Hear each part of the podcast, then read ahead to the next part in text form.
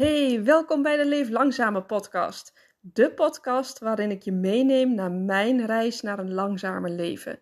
Ik deel mijn ups en mijn downs met je op zowel persoonlijk als businessvlak. En ik hoop van harte dat jij ook geïnspireerd raakt om jouw dromen na te jagen en te gaan leven op jouw persoonlijke voorwaarden. Laten we starten. Een best moeilijk onderwerp. Hoe volg je niet de massa? Ik vind het een moeilijk onderwerp, omdat dit onderwerp gaat over dat je heel erg trouw blijft aan jezelf. En dat is misschien juist het moeilijke eraan. Want hoe ga je tegen de meute in? Hoe, hoe, hoe word je niet helemaal meegezogen in datgene wat de massa doet? Dat is zo moeilijk om dan helemaal recht te blijven staan, in jezelf te blijven geloven en trouw te blijven aan jezelf. Ik vertel je graag mijn inzichten op dat vlak of ja, mijn gevoelens en hoe ik dat doe. En ook aan de hand van wat voorbeelden, voorbeelden, want dat is wel het makkelijkste. Nou, ik denk ehm, dat ik niet de massa volg, omdat dat al een stukje zit in mijzelf, want ik ben gewoon best wel eigenwijs van karakter. Ik doe het graag anders dan de rest. Gaat iedereen linksaf, dan wil ik juist rechtsaf. Puur ook vanuit nieuwsgierigheid eigenlijk, waarom dan niemand rechtsaf gaat. En dat, dat kan soms echt super dom zijn, want ehm, iedereen kiest misschien niet voor niets dan voor de veilige weg. En rechtsaf is dan misschien super onveilig en vol met risico's, maar weet je, ik neem ze dan wel graag op de koop toe. En ik vind mijn eigen weg daar wel in. Daar zit gewoon bij mij heel veel eigen wijsheid, maar ook wel heel veel vertrouwen in van, weet je, ik ga dit gewoon doen. Ik kan dit. Ik weet niet helemaal precies waar dat vandaan komt, maar ja, ik wijd het dus maar aan mijn karaktertrek eigen wijsheid. Ik heb het eigenlijk ook altijd al wel gehad. Het eerste wat ik, voorbeeld wat, ik met wat mij nu te binnen schiet, is dat ik mijn HBOV aan het doen was. En na, na het eerste jaar wist ik eigenlijk al, ik ga geen verpleegkundige worden. Ik wil zo niet dit gaan doen, want ik vond het zo vervelend dat er helemaal geen, echt geen tijd was in zorg voor de patiënten. En dat je eigenlijk alleen maar constant aan het racen was om alles voor elkaar te krijgen. En ik vond het ook heel erg vervelend. Ehm, al die, al die ehm, echte verpleegkundige technische handelingen. Weet je wel, zoals spuiten zetten of zo. Ik vond het vreselijk om iemand pijn te gaan doen. Of een drain uit iemands rug te trekken. Nee, ik vond dat gewoon echt niet, niet leuk, dat soort dingen. Dus, um, maar de opleiding zelf ging me goed af. En ik vond een stukje biologie, anatomie, fysiologie, dat vond ik rete interessant, waardoor de opleiding me makkelijk afging. En ik moest het zelf betalen, dus ik dacht, weet je, ik heb nu al één jaar betaald. Als ik nu een nieuwe opleiding ga doen, moet ik weer helemaal van vooraf aan beginnen. Ook met betalen, een jaar extra betalen, dat heb ik er niet voor over. Dus ik ga het gewoon afmaken. Ik zie wel wat ik ga doen. Ik heb dan toch in ieder geval HBO-papiertje op, op zak. Dat pakt niemand mij af en wedden dat ik daarmee heel veel kan. Dus zo gezegd, zo gedaan. Toen ik eenmaal in mijn vierde jaar zat, richting mijn diploma, heb ik ook aan mensen gevraagd die daarin gespecialiseerd waren, die kon, je konden helpen bij je carrière na de opleiding. Van goh, wat kan ik nog meer met deze opleiding, met dit papiertje op zak, als ik klaar ben? Bottom line kwam het erop neer: je kan verder niks. Je hebt nu iets heel specifieks gestudeerd, dus je moet gewoon verpleegkundige worden. Nou, daar kwam mijn eigen wijsheid weer om de hoek. Want ik denk, ja, zeg tegen mij nee en ik ga bewijzen dat het wel kan. Dus ik heb toen echt een drie kwart jaar me echt helemaal de schompers uh, gesolliciteerd, overal en nergens, om dit bewijs te leveren. Maar ook omdat ik echt niet als verpleegkundige wilde werken. Maar het was wel heel zwaar, vooral geestelijk zwaar, omdat ik constant werd afgewezen. Nou, hou dan maar eens vol. En je bent afgestudeerd, je hebt eigenlijk helemaal geen reet meer te doen. Iedereen die is al aan het werk of die studeert nog en jij hebt echt helemaal niks meer te doen. En je verdient ook nog eens een keer helemaal niks. Maar goed, uiteindelijk heb ik het wel gered. Ik, ben, uh, ik heb een hele leuke baan gevonden um, bij de, in de farmaceutische industrie. Uh, daar heb ik echt zoveel geleerd. Daar ben ik ook zo dankbaar voor. eh, hoe ik nu in het leven sta, dat past totaal niet meer bij de farmaceutische industrie, want ik geloof nu in de Germaanse geneeskunde en het staat er echt haaks op. Dus dat is ook wel heel frappant hoe het leven een wending kan nemen. Maar goed, ehm, dat is ook helemaal niet erg. Door al die facetten en ervaringen leren we ook als mensen. En ik denk dat we daar uh, ook voor gemaakt zijn. En ook voor een stukje bewustwording. Dus alleen maar goed, persoonlijke ontwikkeling. Ehm, dus daarin heb ik al niet de massa gevolgd, want iedereen die ging of doorstuderen of uh, die werd verpleegkundige. De meesten gingen gezondheidswetenschappen studeren, weet ik ook nog. Maar ik had daar gewoon geen zin in. Ik had op dat moment ook al een vriend die ook al werkte. Dus ja, ik wilde ook gewoon een steentje bijdragen aan het huishouden. Um, ja, en hoe heb ik dan nog meer de massa niet gevolgd? Is dat ik op mijn 28ste nou, eerst al op mijn 26e ben ik uh, een salesmanager geworden. Dus daar werd ik de uh, verantwoordelijke leidinggevende van een groep uh, um, accountmanagers. Nou, dat was ook al helemaal tegen de stroom in, want hoe kan je dat in vredesnaam op je 26e doen? Maar ik dacht, nou ja, weet je, ik werd ervoor gevraagd en ik was doodsbang. En ik denk, wow, maar ik wist ook, als ik ergens doodsbang voor ben, wist ik toen al, als ik toch angst voor ken, maar ik voel ook heel veel plezier in mezelf, dan kan ik het. Dus ik heb dat gedaan. Dat was ook zo met mijn allereerste baan. Dus in die farmaceutische industrie vond ik ook heel erg bang. Ik wou bijna de telefoon pakken om te zeggen: Ik heb net getekend voor een contract, maar kan ik er nog onderuit? Maar ik heb mezelf toch gewoon ehm, een schop onder de kont gegeven en gezegd, gedacht: van nee, want Meike, wat moet je dan anders? Je wil dit heel graag. Je weet dat je het heel graag wil. Je voelt het plezier in je lichaam, dus ga er gewoon voor. Laat je niet door die angst tegenhouden. Nou, op mijn 28ste ben ik uiteindelijk uit dienst gegaan. Um, Jolien was toen net geboren na zwangerschapsverlof. En ik, toen dacht ik, weet je, dit is het moment. Ik ga zelfstandig ondernemer worden. Heel veel mensen zouden denken, slecht moment. Maar ik dacht, weet je, ik ben nu wel klaar met die in, farmaceutische industrie. Ik, ik denk dat ik het zelf kan. Dus dat ben ik ook gaan doen. En met als resultaat dat ik nog steeds met heel veel plezier onderneem. En het mooie ervan vind ik dat je hier juist je eigen wijsheid heel erg in kwijt kan. Doordat je gewoon lekker kan doen wat je zelf wil. Dat niemand zich ermee bemoeit. En iedereen die er wat van vindt, die mag dat lekker zelf vinden. Maakt me helemaal niks uit. Ik doe gewoon lekker wat ik wil. En ik heb ook heel vaak switches gehad in bedrijven. Ja, omdat ik dat gewoon leuk vind. Ik ben geel als drijfveer. Dat betekent dat ik een pionier ben. Um, veel aan de toekomst denk, toekomstgericht denk, visie heb. En heel graag nieuwe dingen ontwikkel en leer en daarmee bezig ben. Um, dus daarin heb ik ook niet de massa gevolgd uiteindelijk was ik, ik was met Diederik vanochtend ook nog eventjes aan het uh, overleggen van, goh, wat voor manieren hebben wij nog meer niet de massa gevolgd en wat zijn nog meer dingen die heel erg spelen in Nederland, waarbij mensen elkaar heel erg volgen.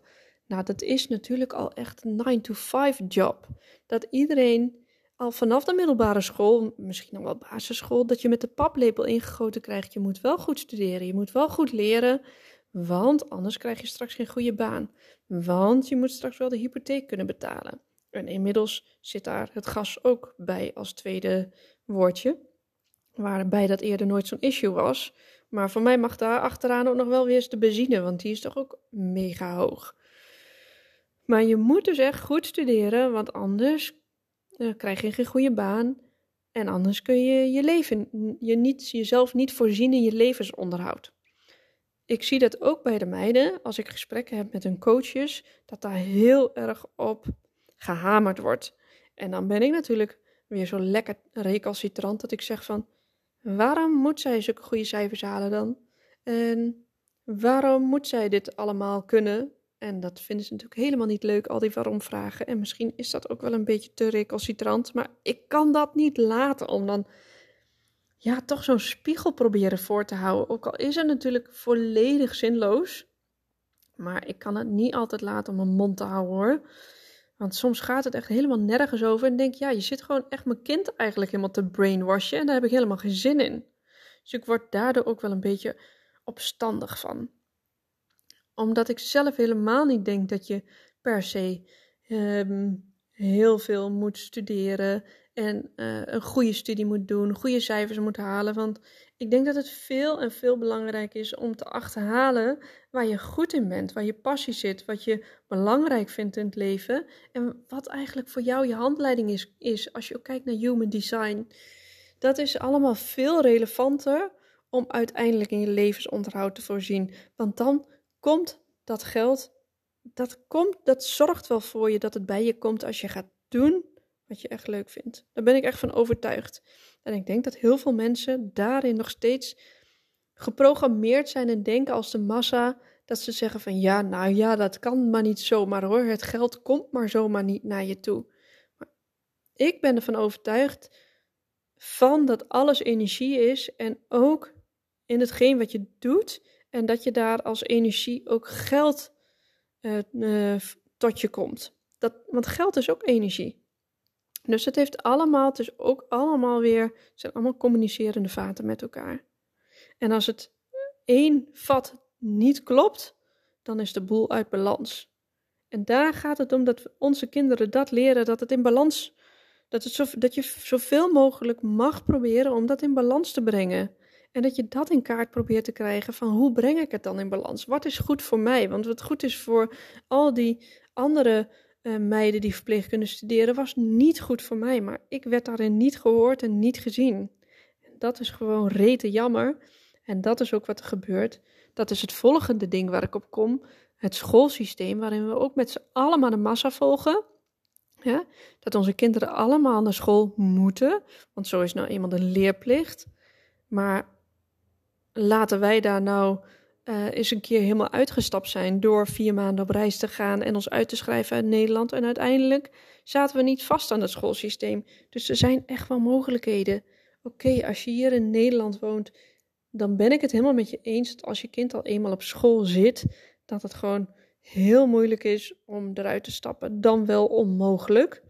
Maar er zijn mensen die dat echt wel al hebben gedaan, die echt op pioniers zijn op dat vlak en echte strijders. En daar heb ik ook echt alle respect voor.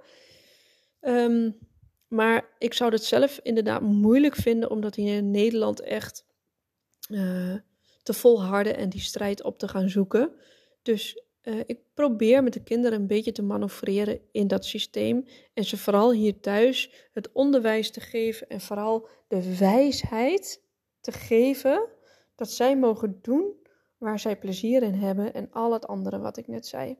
Dat vind ik nog veel belangrijker, dat, dat wij als ouders dat uh, onderwijzen. Um, dus daarin zijn we denk ik ook al anders. Want als de meiden een keertje een dag geen zin in hebben in school, en ze hebben daar voor ons ook een legitieme reden voor, omdat ze op die dag ook niet zoveel belangrijks hebben. Of, nou ja, um, er kan van alles benoemd worden. Maar dan zijn wij ook niet de moeilijkste en dan mogen ze wat ons betreft een dagje thuis blijven, mits ze het ook op een andere manier gaan invullen. En soms mogen we toch gewoon eventjes schoolziek zijn. In onze ogen is dat niet zo heel erg, want die kinderen moeten vijf dagen per week naar school. En heel veel volwassenen, die werken niet eens fulltime, maar de kinderen moeten wel fulltime naar school. Ik vind dat de lat echt wel hoog ligt voor de kinderen vind ook dat de stressbelasting heel hoog is voor de kinderen. En wij kijken er dus vanuit een andere um, vlak. Als je, hè, als je, als je een, een um, kubus voor je ziet, dan kun je via allerlei vlakken kun je in die kubus kijken. En wij kijken heel vaak via een ander vlak, via een andere invalshoek in die kubus. En uiteindelijk denk ik dat je daardoor gewoon heel veel andere inzichten krijgt. Als je iedere keer door een ander vlak kijkt, even door andere ogen durft te kijken. Um, nou, en we wijken natuurlijk ook volledig af van de massa, doordat we niet in Nederland blijven. Wij um, kiezen ervoor om niet in Nederland te blijven. Daar heb ik ook een aparte aflevering over opgenomen, dus daar moet je anders maar even naar luisteren. Maar een van de hoofdredenen is dus het schoolsysteem en dat we echt de kinderen willen leren van uh, luister maar naar jezelf en daarin willen wij voorleven. Het voorbeeld geven aan de kinderen door dat zelf ook te doen. Dus dat doen we hiermee. Plus dat we de cultuur op heel veel vlakken hier in Nederland niet meer zo heel erg prettig vinden om te leven. Dus we, en we zijn ook wel toe aan een stukje avontuur. Dus we denken, nou, weet je, we leven maar één keer. Laten we het gewoon proberen. Laten we het gewoon gaan doen. Een weg terug is er altijd. Dus uh, vandaar dat wij ook daarin wel tegen de stroming in durven te zwemmen. En zo zijn er ook nog andere dingen. Um, ik noem eentje zoals zonnepanelen. Hebben we niet aan meegedaan. En ik ben er zo blij van, want je hoort nu allemaal weer mensen klagen over dat uh, ze wel een grote uitgave hebben gedaan, maar niet um, de winst ervoor krijgen, omdat heel vaak als er mooi weer is, ze worden afgesloten van het net, ze dus ook niks meer terugverdienen, omdat het netwerk overbelast is. Dus ik ben heel erg blij dat we uh, daarin gewoon heel erg trouw zijn gebleven aan onszelf. Ik had heel erg sterk het gevoel de hele tijd al. Dat heb ik vaak bij van die massa dingen. Dat als iedereen het doet, dan denk ik: waarom doet iedereen het? En dan zijn er allemaal redenen te bedenken, maar die redenen hoor ik allemaal ja, een soort van uh, napraat van dingen die je dan op het nieuws hoort of um, op de televisie, van echt allemaal vanuit de overheid. En nu ik eigenlijk helemaal de tv heb afgezworen, geen nieuws meer lees, luister, hoor. Ik luister ook nooit naar de radio. Ik, ik, ik merk dat ik daardoor zoveel zuiverder word. Dus hoe volg je niet de massa? Door dat gewoon, sluit dat als eerste allemaal af. Kijk het niet meer, luister het niet meer. Als iemand erover begint op een verjaardag, dan zeg je sorry, maar ik weet er echt helemaal niks van af. Ik heb het nu zo vaak dat mensen tegen me zeggen: Ja, heb je dit en dat gehoord? Ik zeg: Nee, sorry, ik, ik volg niks meer, ik luister niks meer. Ik zeg: En ik vind het eerlijk gezegd ook niet zo heel erg interessant. Heel soms ontkom je er niet aan om het toch te horen. Prima, ik, ik hoor het aan, maar ik ben daardoor ook veel oordeellozer geworden. Omdat ik veel meer afstand ervan heb.